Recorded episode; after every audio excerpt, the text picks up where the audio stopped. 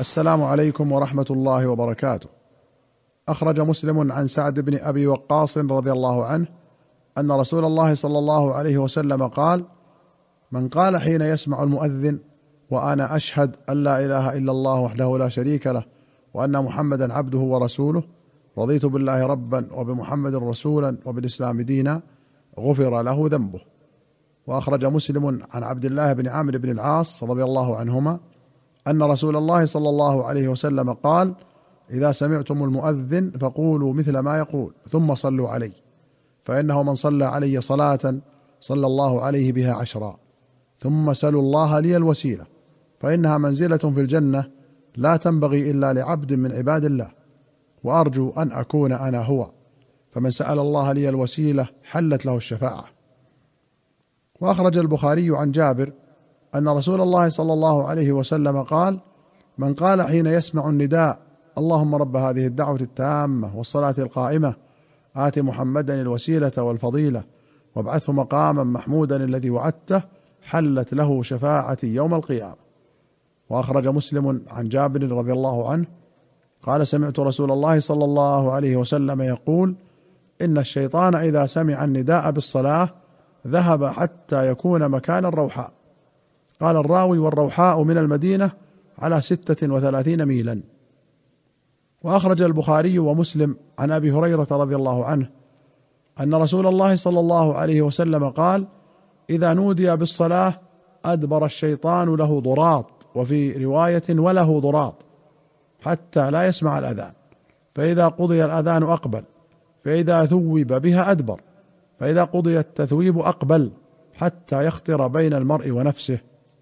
ويقول اذكر كذا اذكر كذا لما لم يكن يذكر. وفي رواية فهناه ومناه وذكره من حاجاته ما لم يكن يذكر حتى يظل الرجل لا يدري كم صلى. فإذا لم يدري أحدكم ثلاثا صلى أو أربعا فليسجد سجدتين وهو جالس. ولمسلم إن الشيطان إذا سمع النداء بالصلاة أحال له ضراط حتى لا يسمع صوته. فإذا سكت رجع فوسوس.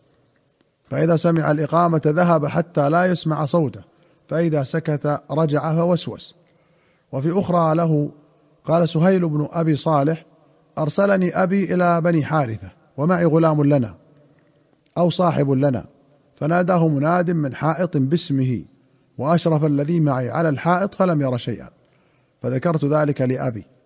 قال لو شعرت أنك تلقى هذا لم أرسلك ولكن إذا سمعت صوتا فنادي بالصلاة.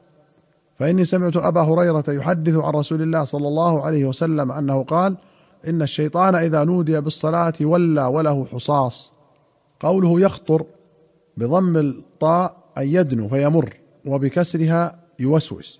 وأخرج أحمد وأبو داود والنسائي وابن خزيمة والطبراني في الكبير والحاكم والبيهقي في السنن بسند صحيح عن عثمان بن أبي العاص الثقفي قال قلت يا رسول الله اجعلني إمام قومي. قال أنت إمامهم واقتد بأضعفهم واتخذ مؤذنا لا يأخذ على أذانه أجرا.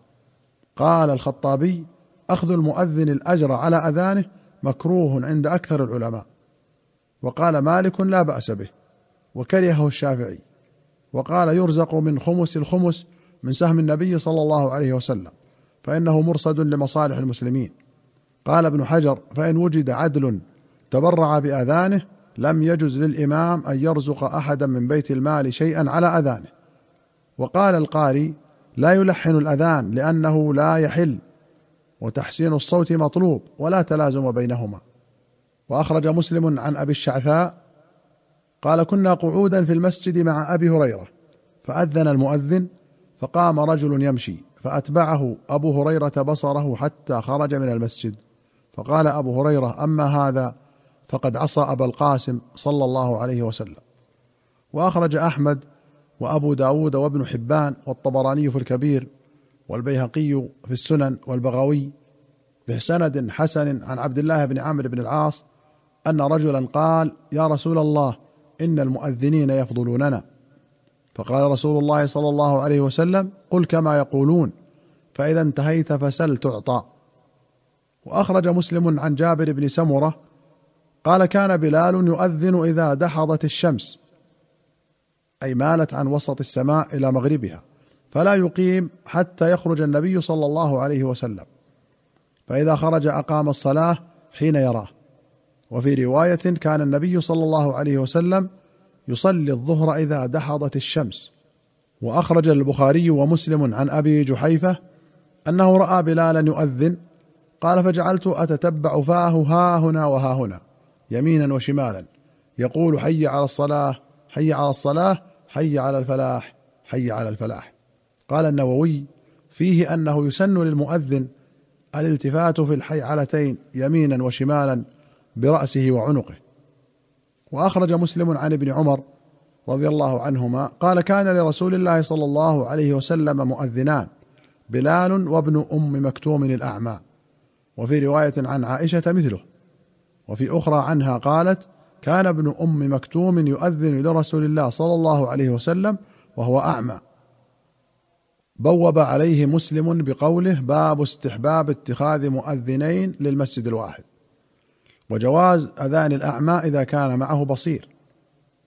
قال النووي وقد اتخذ عثمان رضي الله عنه أربعة للحاجة عند كثرة الناس. وأخرج البخاري عن عبد الله بن عبد الرحمن بن أبي صعصعة أن أبا سعيد قال له أراك تحب الغنم والبادية؟ فإذا كنت في غنمك أو باديتك فأذنت بالصلاة فارفع صوتك بالنداء فإنه لا يسمع مدى صوت المؤذن جن ولا إنس ولا شيء إلا شهد له يوم القيامة. قال أبو سعيد سمعته من رسول الله صلى الله عليه وسلم. وأخرج مسلم عن عيسى بن طلحة قال كنت عند معاوية بن أبي سفيان فجاءه المؤذن يدعوه إلى الصلاة. فقال معاوية سمعت رسول الله صلى الله عليه وسلم يقول المؤذنون أطول الناس اعناقا يوم القيامة. وأخرج أحمد وأبو داود والنسائي وابن حبان والطبراني في الكبير والبيهقي في السنن بسند صحيح عن عقبة بن عامر رضي الله عنه. قال سمعت رسول الله صلى الله عليه وسلم يقول يعجب ربك من راعي غنم في رأس شظيه الجبل يؤذن بالصلاة ويصلي. فيقول الله عز وجل انظروا إلى عبدي هذا يؤذن ويقيم الصلاة يخاف مني قد غفرت لعبدي وأدخلته الجنة. الشظية قطعة مرتفعة في رأس الجبل وقيل هي الصخرة العظيمة الخارجة من الجبل كأنها أنف الجبل من التشظي وهو التشعب والتشقق. وفي بعض ألفاظه رأس شظية بجبل وفي بعضها رأس الشظية للجبل وفي بعضها رأس الشعفة من الجبل.